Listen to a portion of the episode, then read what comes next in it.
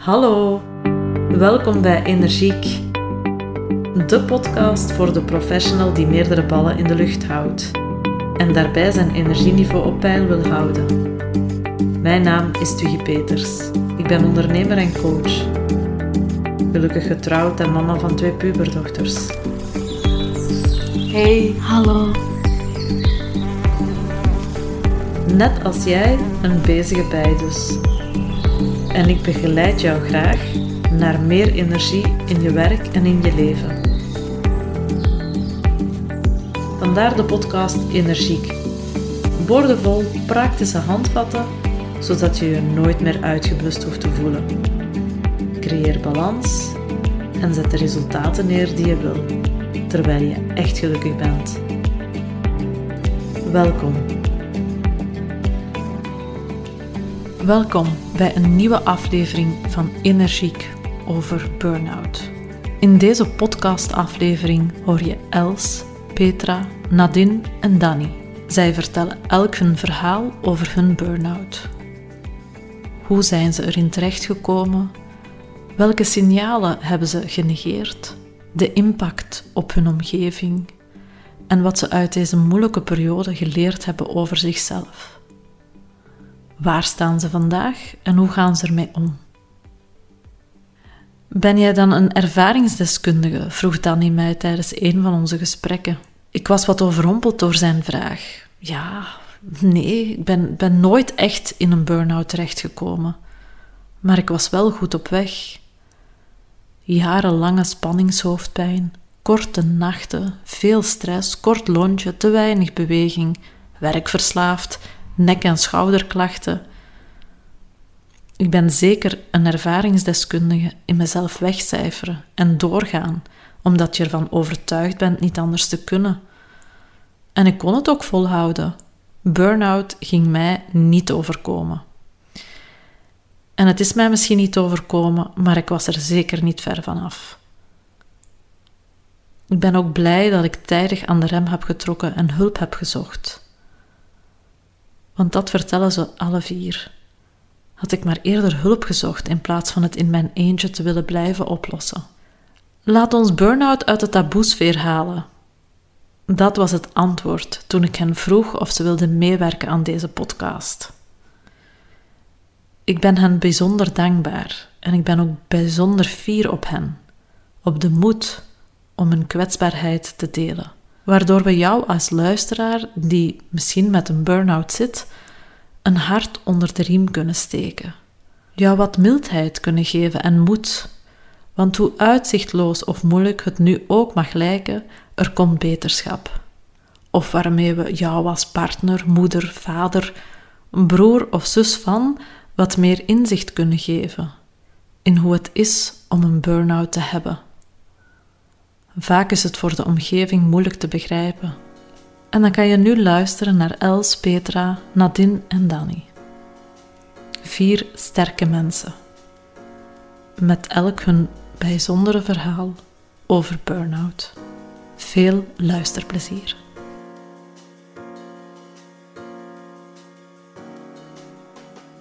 Ik ben Nadine. Ik heb een dochter van 21. Die woont in Valencia. Ik heb een vriendin. We zijn al tien jaar samen. Ik werk uh, in een winkel als verkoopster. En in bijberoep zet ik nageltjes. En ik ben nu een opleiding aan het volgen uh, voor schoonheidsspecialisten.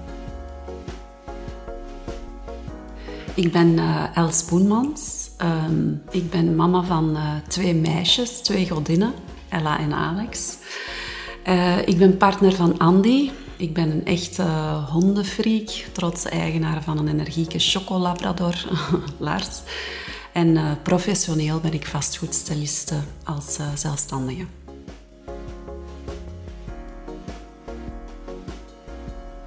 Mijn naam is Petra. En eh, ik werk al meer dan 20 jaar in de interim business. Ik heb een gezin, uh, mijn kinderen zijn uit huis. Ik ben, was en ben nog altijd, denk ik, heel gedreven. En probeer dan ook altijd alles zelf op te lossen. En dat is denk ik een van de redenen waarom dat we hier nu samen zitten.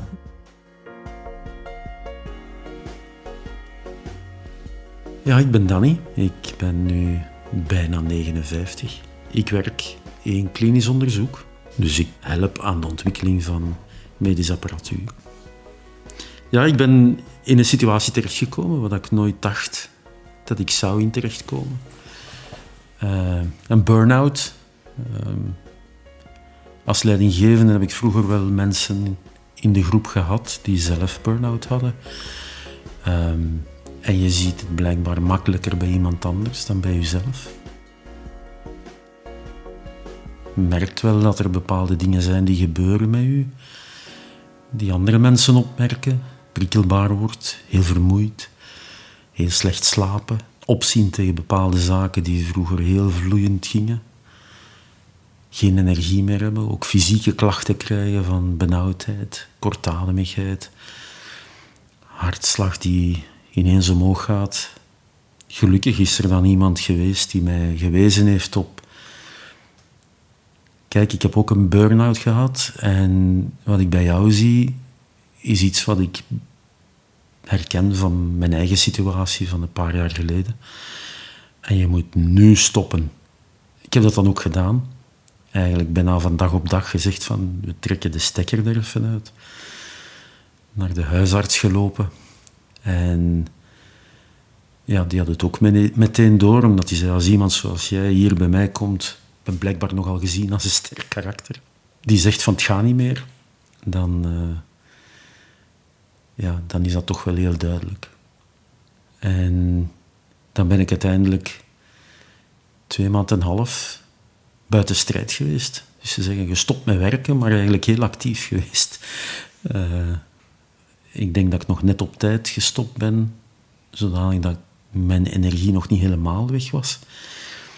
Dat ik toch de tijd kon spenderen, de energie kon spenderen om tijd voor mezelf te nemen en, en los te koppelen. Wat in het begin heel moeilijk was. Want je zit zo vast in, in stramien van altijd maar werken, werken, werken. Dat was ook een van de dingen die typisch waren, denk ik, van, zeker met thuiswerken in corona, dat uh, er geen afscheiding meer was tussen werken en niet werken, dat het altijd maar doorliep, dat het hoofd maar bleef draaien. Ik had enorm veel nekpijnen en ook duizelingen. Ik sliep heel slecht. Um, en het, uh, heel veel gepieker dat mij ook uit mijn slaap hield. Um, dat was precies alsof dat mijn hoofd niet meer in slaapmodus wilde geraken. En als ik dan sliep, um, dan werd ik ook wel geplaagd door nachtmerries. Um, soms maakte mijn partner mij zelfs gewoon wakker, uh, Andy, omdat ik uh, aan het wenen was in mijn slaap.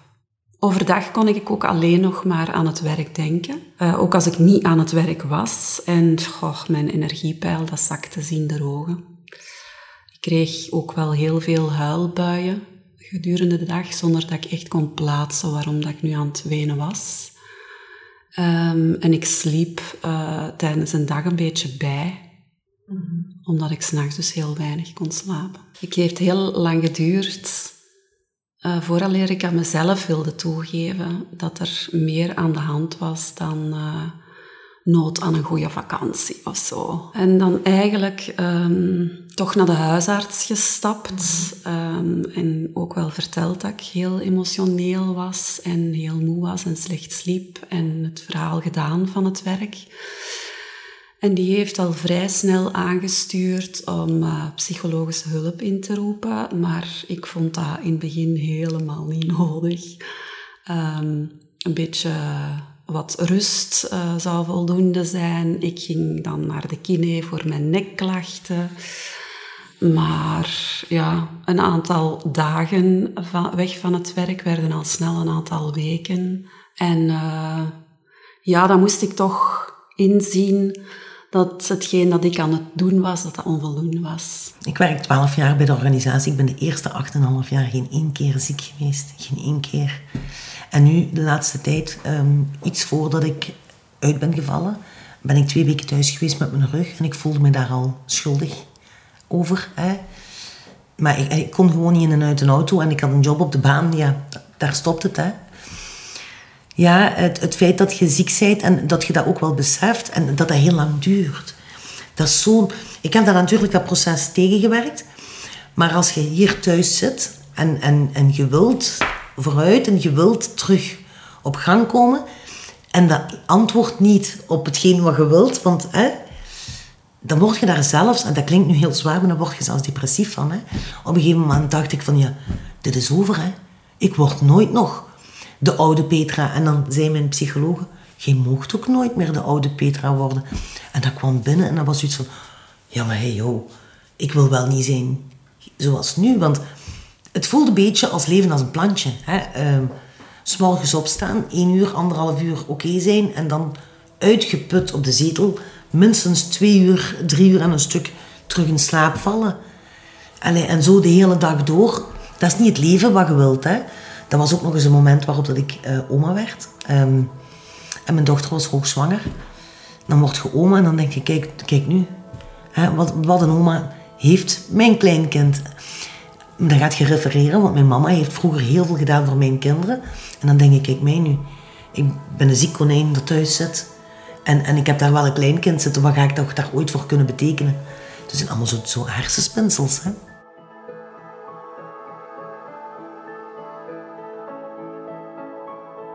Ik heb altijd hulp gezocht voor Marie.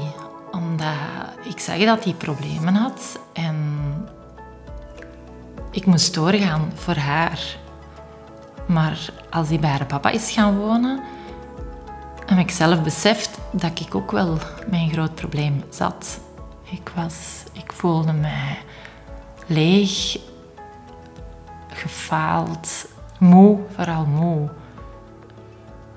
Zou het liefst gewoon in een auto gestapt zijn en naar een plek gereden dat niemand mij niet kende of, of de onrust in mijn hoofd was heel zwaar.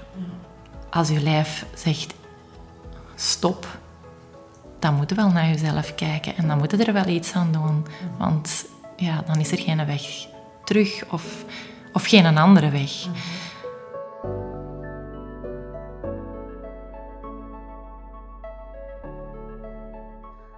Maar er is dan wel een, kantelpunt geweest um, waarop dat ik echt kan zeggen van vanaf toen ben ik echt anders beginnen denken en dat was op het moment eigenlijk dat ik vond dat ik geen vooruitgang maakte. Dat ik dat eigenlijk zelfs niet bij mezelf legde, maar bij de psychologen. Dan is uh, mijn psychologe iets wat uit haar professionele sloffen geschoten. En die heeft mij heel haarfijn uitgelegd waarom dat ik niet vooruit ging. En dat lag uiteraard aan mezelf. Dat was zo het, uh, de nodige klets op de billen, zal ik maar zeggen. Figuurlijk dan die ik toen nodig had. Het lag eigenlijk gewoon aan het feit dat ik niet wilde zijn wie dat ik was. Of zeker op dat moment. Aanvaarden dat je dus grenzen hebt. lastig, hè? Bij het idee van ik zit in een burn-out. En dat is niet wie ik ben. Dat ging mij nooit overkomen. En ik hoor dan ook vaak, het is met een dokter die zegt dat ik in een burn-out zit. Maar is dat wel echt zo? En ze kunnen dat woord zelfs bijna niet uitspreken. Uit, ja, wat jij dan Schaamte. Schaamte. En een stuk daarin aanvaarding gaan, dat, dan merk ik uh, dat eens dat, dat dat proces gebeurt, aanvaarden dat het is wat het is, en dat je van daaruit weer verder kan, dan merk ik dat je stappen Dan kun je pas stappen zetten. Ja. Dat ik geen andere keuze meer had dan het gewoon over me heen te laten komen. En ik moet zeggen, achteraf gezien hebben die momenten ook wel deugd gedaan, want dat is juist wat uw lijf nodig heeft. Hè? Maar dat is heel moeilijk om dat los te laten. Ehm, ja, dat ik zoiets had van, oh ja, ik slaap. En als ik slaap, het is goed en dan voel ik niks. En uh, straks word ik wakker en dan zien we wel weer. Maar je, bent al verder in het proces, alleen voor mij toch, um, wanneer dat je dat kunt. Maar vooral voor meer voor mezelf op te komen om, om nee te durven zeggen, ook al kwetst het een ander. Of, uh, ik luister heel dikwijls naar uw podcast Zelfzorg. En dat is wat ik altijd tegen mensen zeg. Van, Maar ik doe het zelf nog altijd te weinig voor mezelf.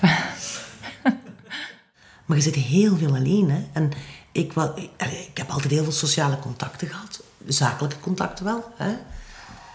Ja, en ehm, alleen al uh, corona, daar, daar viel al een stuk weg. Ook ehm, het, het, de contacten met het eigen gezin, eigen familie worden veel minder. En dan valt ook nog eens je zakelijk leven, al is het via Zoom of Teams, hè, maar dan valt dat ook nog eens weg. En uw man is werken, ja, hier zit je dan, hè. Ik had gelukkig nog een hond. en de hond bijvoorbeeld, dat was ook iets wat mij naar buiten dreef, waardoor ik dacht van, ik moet met die gaan wandelen, ik moet met die naar buiten komen. Maar in het begin ging dat niet. En ehm, tot de psycholoog zegt, jij moet niks, die hond mag blij zijn dat hem u heeft. En dan dacht ik, ja, ook wel waar. Hè? Ik heb ook altijd geprobeerd om me wel aan te kleden. Um, de ene dag lukte dat beter dan de andere. Hè? Gelukkig is loungewear een beetje hip geworden. Chanske. Een huispak. Ja, ja hmm. speciaal aangeschaft. Lekker comfy. Oh, ja. Ja. ja, daar ben ik toch ook fan van. Snap ik, ik kan u helemaal snappen. En zeker als je je niet zo goed voelt en je gaat een beetje in een zetel liggen of zo, ja, dat klemt nergens, dat zit, hè? Ja. ja. Het had eerder gemogen eigenlijk. Ja. Ik heb echt wel heel wat stappen gezet om, om tot dit nu te geraken. En als ik er nu op terugkijk, kan ik toch wel vaststellen dat, uh, dat ik daar eigenlijk zelfs een beetje, dat klinkt melig, maar ik ben daar eigenlijk wel dankbaar voor. Dat ik dat heb mogen meemaken. nooit gedacht dat ik dat zou zeggen. Maar dat is wel waar, want uh, ik zou nooit zo ver niet gestaan hebben. Als ik zo niet gedwongen werd. De tijd dat ik gekregen heb, dus eens als ik uh, die psychologische hulp had, uh, had, die stap had gezet om die hulp in te roepen, wilde ik dat ook wel direct heel goed doen. Ik nam medicatie in, uh, door de huisarts voorgeschreven, maar ik wilde dat eigenlijk door een psychiater ook eens laten bekijken. En dan ben ik naar een praktijk gegaan waar dat zowel een psychiater als psychologen aan verbonden zijn. Ja, daar, daar, ik ben daar eigenlijk heel dankbaar voor dat ik in die financiële situatie zat waarin ik dat kon doen.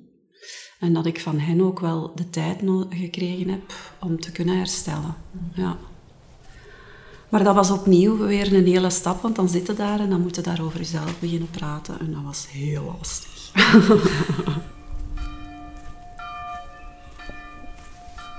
Maar dus ik ben eerst begonnen met echt mijn hoofd leeg te maken. Heel veel wandelen, de natuur opzoeken. Het landelijk dorpje ontkennen, ontdekken in, in al zijn eigenheid en zijn schoonheid. Waar je vroeger nooit oog voor had. Dat heeft deugd gedaan, niet alleen voor mij, maar ook de rest van de familie, die er toch ook wel, denk ik, last van had. Van de bepaalde symptomen die zich voordeden en die nu ja, gaandeweg minder werden. Het, uh, ja, ik denk dat zij met heel veel vragen en onzekerheid zaten. Omdat zij ook, denk ik, niet verwacht hadden dat dat met mij kon gebeuren. Een, een gezin waar op verschillende vlakken heel wat gebeurd is in, in de tijd die we samen zijn. En wat we altijd ja, nauwer bij elkaar betrokken geweest zijn. Um, maar waar denk ik ook een soort van stabiliserende factor was, altijd. Van het zoeken naar oplossingen, het, het oplossen, oplossingen aanbrengen en, en het rustig blijven in, in moeilijke situaties. En dat ik dan ineens zo uitviel, dat, dat was iets wat ze denk ik ook niet verwacht hadden, wat bij hun ook wel angst en onzekerheid teweeg kan brengen. Laat ons zeggen dat, dat mijn man en mijn kinderen dit hadden zien aankomen de ruimere omgeving, dat is heel delicaat. Uh, ik vind van veel mensen dat ze doen alsof ze u snappen, maar dat je voelt dat het niet is. Ja.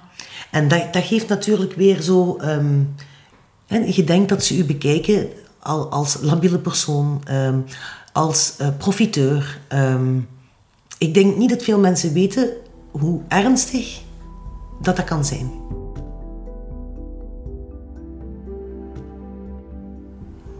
Mijn ouders vinden niet ja, psychologen zijn letterlijk voor zotten. Maar ja, dat is ook een oude generatie. Ehm, ik vertelde mijn verhaal, maar ze, ze hoorden mij niet. Of ze wilden mij niet horen. Uh, je kunt er beter over zwijgen en verder doen. Ik ben helemaal niet van het zweverige type. Mijn man is ook heel down to earth. En toch wilde hij dat ook begrijpen. En eh, ik heb hem dat ook moeten uitleggen wat dat Allee, het was voor mij heel moeilijk om dat aan hem op een rationele manier uit te leggen, want dat heeft alleen maar, allee, dat heeft vooral te maken met je emoties. Mhm.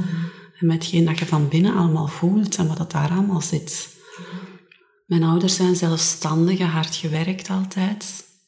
En dus niet dat mijn mama daar niet, niet over zo'n dingen gaan babbelen, zeker niet, maar toch niet zo op die manier. Nee. Absoluut niet, nee. Mijn kinderen die waren ongerust, want die zagen mama natuurlijk heel veel huilen. Uh, maar ik heb die altijd heel goed verteld wat het er aan de hand was. Dus ik heb daar eigenlijk weinig voor verzwegen, zonder echt in detail te moeten gaan. Maar en langs de andere kant gaf ik ze dan misschien ook wel een beetje mee dat ze niet moesten zich schamen voor uh, als ze zich slecht zouden voelen of zo. En voor mijn familie en vrienden heb ik dat wel lang verzwegen weer dat schaamtegevoel. Maar ja, sommige vrienden waren ook uh, heel steunend en andere, waar, sommige waarvan je het zelfs minst verwacht, konden echt heel botweg reageren. Ik begrijp dat niet.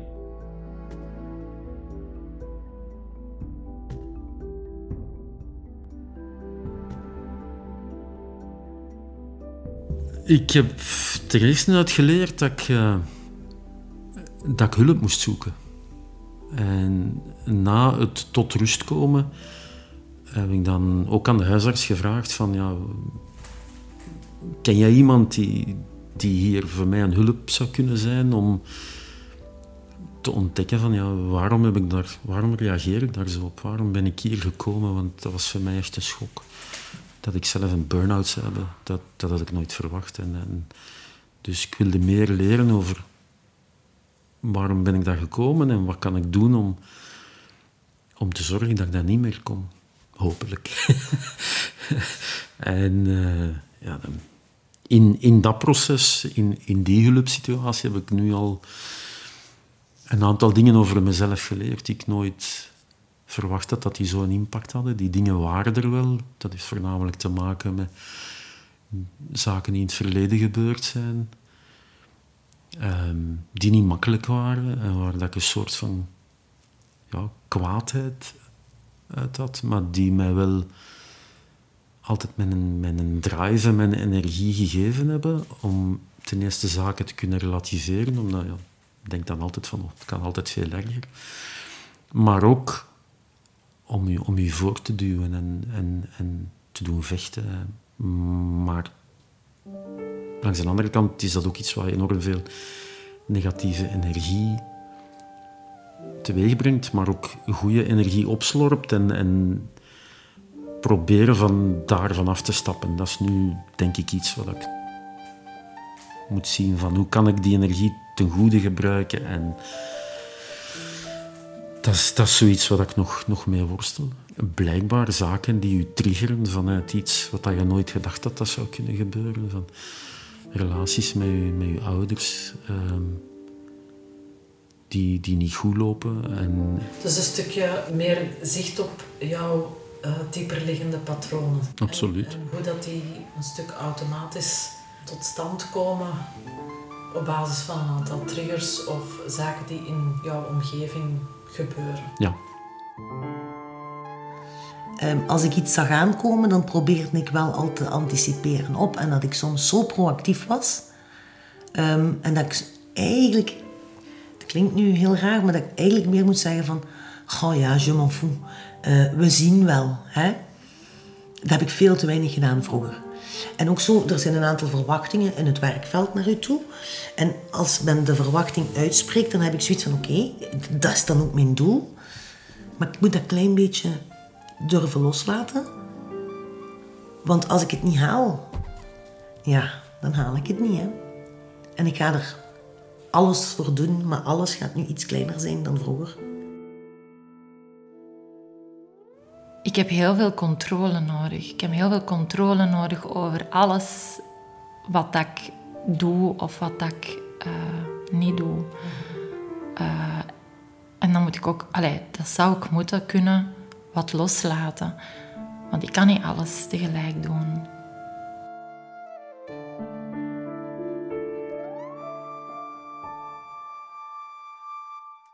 Ja, ik heb eigenlijk wel veel geleerd. In die zin dat ik uh, veel meer zelfvertrouwen heb gekregen.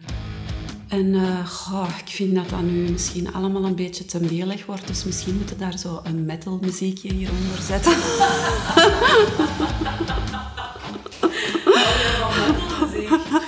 Nee, niet per se, maar toch om dat een zekere, ik weet niet, uh, nuchterheid mee te geven. Ja, inderdaad. Wat dan een hele belangrijke voor mij toch is geweest, van, um, is dat je de emoties mocht laten zijn wat dat ze zijn. En dat je die gewoon moet laten komen. Want de angst ervoor maakt het alleen maar veel erger. Je zegt zelf als ouder, ik heb dat ook zeker in de beginjaren van als mijn kinderen heel klein waren, vast al wel eens gezegd van je moet daar niet voor wenen. Dat wordt heel snel gezegd. Hè? Dus wat zou je nu tegen je kinderen Ja, ween maar even. Ja. Dat doet deugd.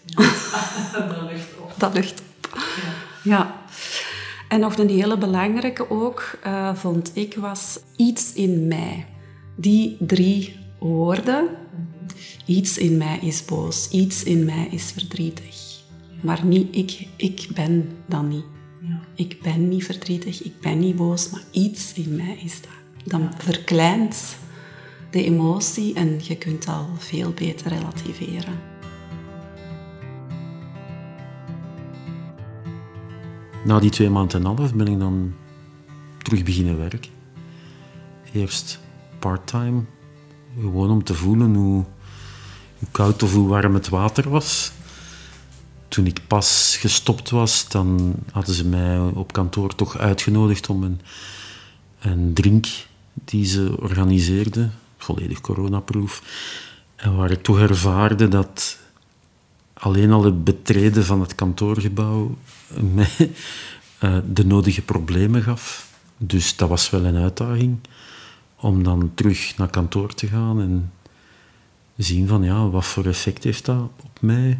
Maar dat bleek goed mee te vallen. Ik weet niet hoe dit verder gaat lopen en of dat mij zal aanzetten om bepaalde beslissingen te nemen over mijn carrière of, of een andere stap. Dus dat is zeker nog een hoofdstuk wat, dat, wat dat we even moeten doorlezen om te zien wat de afloop zal zijn. Maar ik heb wel gemerkt, als ik terug ging werken, dat het leuke was dat de rest van het team, dat dat, en mijn werk zelf, ik doe dat nog altijd graag. Ik, ik vind daar plezier in, ik vind daar voldoening in. En ik zou het heel jammer vinden als, als de hele situatie zou leiden tot als dat de enige aanleiding zou zijn om, om van job te veranderen, dat zou niet mogen. En dat, dat ga ik ook zeker niet proberen te doen. Ik ben dus terug aan het werk. Ik ben parttime opgestart. Um, wat mij een heel goed gevoel geeft in, in de wetenschap. Ik voel dat ik er nog niet ben. Ik ben op de hele goede weg. Maar ik voel ook dat ik er nog niet ben. En om mij niet al compleet onmiddellijk te verliezen weer terug. Hè, want de eerste week was alweer zo van dat ik, uh, moet voormiddag dan werken, dat ik namiddag al in de mail aan het kijken was. Ik dacht, oh, maar daar heb je dan weer een paar dagen voor nodig voor leren dat die frank valt. Hè. Wat doe ik anders? Ik laat alles binnenkomen en ik, ik sorteer. En um, op dit moment moet ik heel veel grenzen stellen, want ik ben er maar een halve dag. En dan zijn er heel veel dingen die bijvoorbeeld al onmiddellijk een ganse dag in beslag nemen. En dan zeg ik tegen mijn leidinggevende, ah ja, sorry, moet u dat nog melden? Mijn excuses, maar ik kan niet mee die dag naar daar, want ik werk maar een halve dag. En dan is dat ook geen probleem. Maar vroeger zou ik dat niet gezegd hebben. En nu, ik doe gewoon hetgeen wat zich voordoet. Zo ben ik het aan het proberen van hetgeen wat zich aanmeldt, pak ik vast en werk ik af. En dan, dan zie ik wel.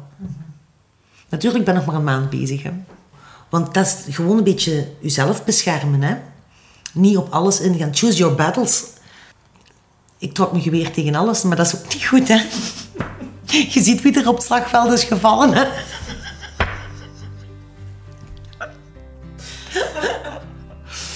Ach ja.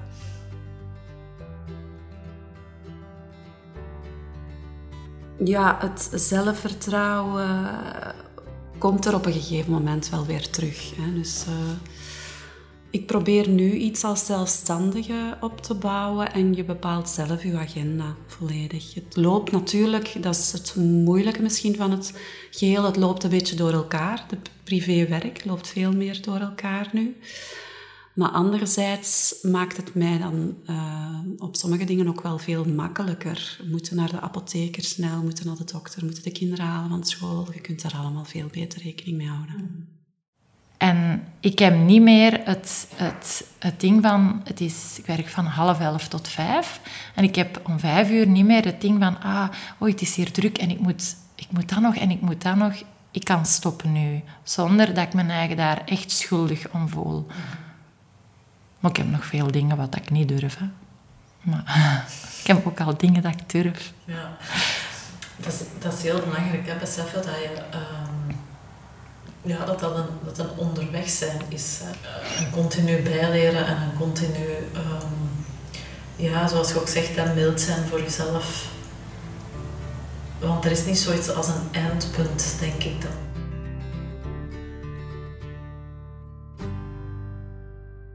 Ja, ik, ik heb bepaalde regels nu opgesteld. Sommige zijn heel praktisch. Uh, van proberen van meer uh, op de uren te letten. Het gebeurt nog dat ik buiten mijn werkuren bezig ben, maar de grenzen liggen voor een stuk vast.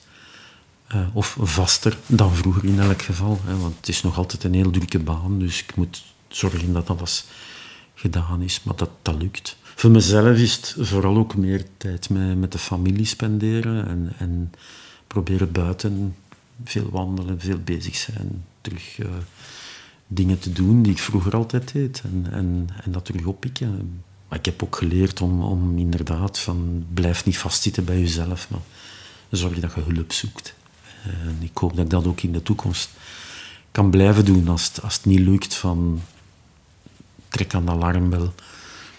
Uh, denk niet dat je het allemaal wel aan kunt? Oh ja, hetgeen dat ik eigenlijk... Misschien is dat een hele... Uh, allez, weten anderen dit wel heel goed, maar dat uw sterkte dus ook uw valkuil is. Dat was uh, niet door mij geweten. Ik ben zeer empathisch iemand. Ik ben een heel empathisch iemand, maar uh, grenzen stellen is dan een hele moeilijke voor mij. En zo dat andere mensen hun proces moeten doen. Dat ik dat niet zelf op mij moet pakken. Ik ben altijd wel een mijn gezinmens geweest. Een familiemens kan ik het niet noemen. Ik heb een hele kleine familie. Lijkt nu mijn dochters. Ehm, daar heb ik zo goed als dagelijks contact mee. Er was ook zo'n stukje in mijn, in mijn herstelproces dat je zegt van oké, ik, ik wil mijn cirkel niet meer zo klein hebben. Hè. Ik wil dat ik daar terug een beetje een sociaal leven opbouw. En ook, je kunt niet altijd bij je kinderen aan de bel, hey, gaan we dit doen of gaan we dat doen. Dus daar moet ook iets meer zijn dan alleen werk en kinderen. En daar ben ik zo stilletjes beginnen uitbouwen. Ik ben er nog maar net mee begonnen. Maar dat geeft een goed gevoel. Mensen met wie dat je verbonden bent. Ehm, contacten, gesprekken waar dat je verbinding in voelt. En pas op, dat kan ook met een klant en dat kan, dat kan ook met een collega zijn. Daar moet ook tijd in geïnvesteerd worden. Dat moet ook onderhouden worden. En dat is iets waar ik me nu al heel erg bewust van ben. Je begint daar veel vroeger mee. Als je lichamelijke klachten hebt en dat is door een dokter niet vindbaar. Je hebt geen maagontsteking of je hebt geen darmontsteking of er is niks echt wetenschappelijk of lichamelijk iets. Kijk dan even naar binnen en, en denk van, wat is er hier gaande? Is er niks meer aan de hand dan mijn maagprobleem? Dan daar dat zalfje op te smeren en die agaviscon te pakken en door te gaan. Ik denk dat heel veel mensen... Zo erg is dat niet. En we gaan maar door.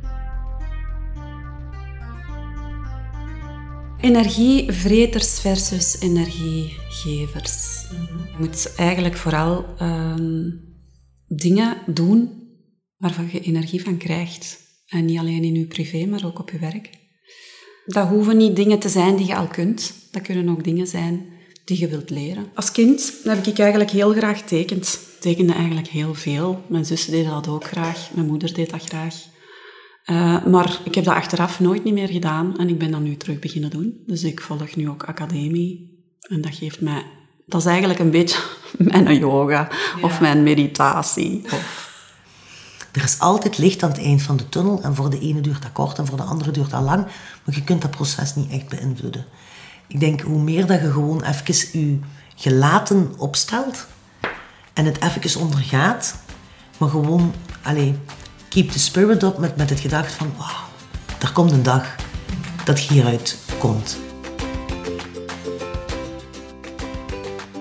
Dus je zou nu kunnen zeggen, door ehm, meegemaakt te hebben wat ik meegemaakt heb, en door mee om te gaan, hulp te zoeken, maar ook op tijd op de rem te duwen en ehm, mijn grenzen nu heel bewaken, ben ik er ook wel een stuk sterker uitgekomen. Ja, zeker. Ik denk ook weerbaarder. Dat je weer mogelijkheid hebt om bepaalde zaken te herkennen vroegtijdig en die, die triggers beter te gaan herkennen en te zeggen van oh, ik ga niet mee in dat verhaal. We gaan afstand nemen als het nodig is, eh, uit situaties stappen als het nodig is zelfs. En daardoor kun je beter helder blijven denken, heb ik het, het gevoel. Ik kan beter de, de juiste beslissingen nemen. Maar ik heb wel het gevoel dat ik, dat ik een pak rustiger ben. Er zit nog altijd een, een vuur van binnen. Dat, dat, dat is, Dat is, dat iets anders. Nee, ik hoop, ik hoop ook, dat hoeft ook niet. Dat hoeft ook niet. Laat die, laat die waakvlam maar branden. En, ehm, waar nodig kunnen we, die, kunnen we die gebruiken en aanwakkeren. Maar daar zit ook nog een hele grote taboe op. En oké, mentaal welzijn, iedereen heeft het erover. Maar van het moment dat je gaat praten bij een psycholoog en, en hoe moet ik zeggen, ik ga het niet uitsmeren in mijn, in mijn omgeving dat ik naar de psycholoog aan het gaan ben, gewoon omwille van wat je voelt van de andere kant, wat daar het taboe rond is. En dat vind ik heel jammer. Maar ik, allee, ik zou niet weten wat ik er zelf in kan veranderen op dit moment. Ja, eh, wij gaan naar de psycholoog om te leren omgaan met zij die het eigenlijk nodig hebben. Hè. Dat is wel een goeie. Wat wat ik niet moet onthouden. Ja, ja.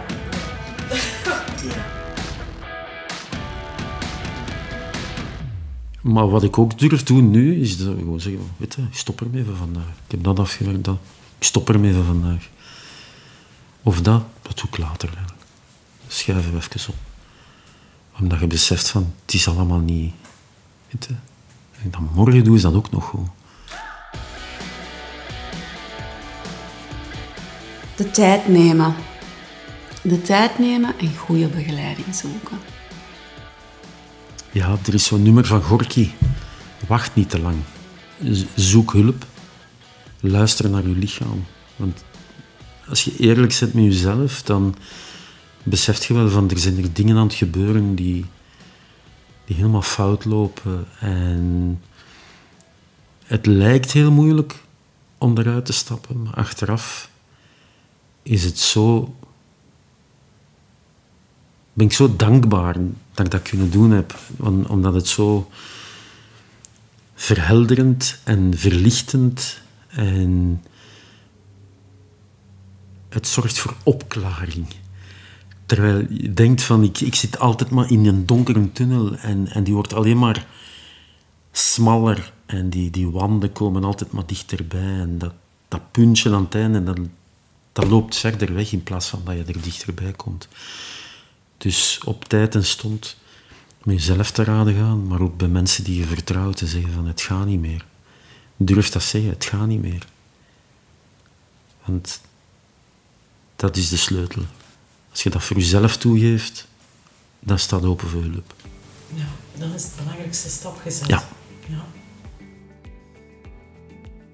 En zit jij zelf met een burn-out of ben je herstellende van en zoek je begeleiding in je proces? Neem dan contact op. Ik begeleid jou graag stap voor stap.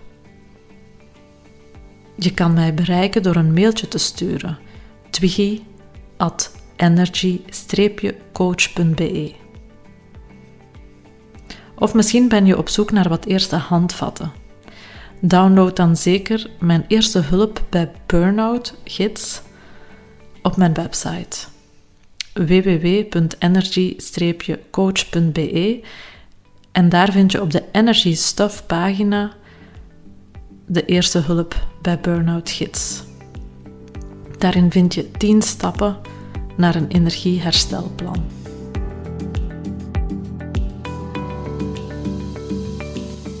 Bedankt voor het luisteren naar Energiek. Ik ben Twiggy en ik wil dat jij als drukke professional je energieniveau op peil houdt. Haal je energie en bruikbare tips uit deze podcast en wil je dat anderen hier kunnen van meegenieten? Deel deze podcast met jouw vrienden, familie, collega's of geef deze podcast een review. Dat zou ik heel fijn vinden. Ik wens je nog een energievolle dag en tot de volgende aflevering.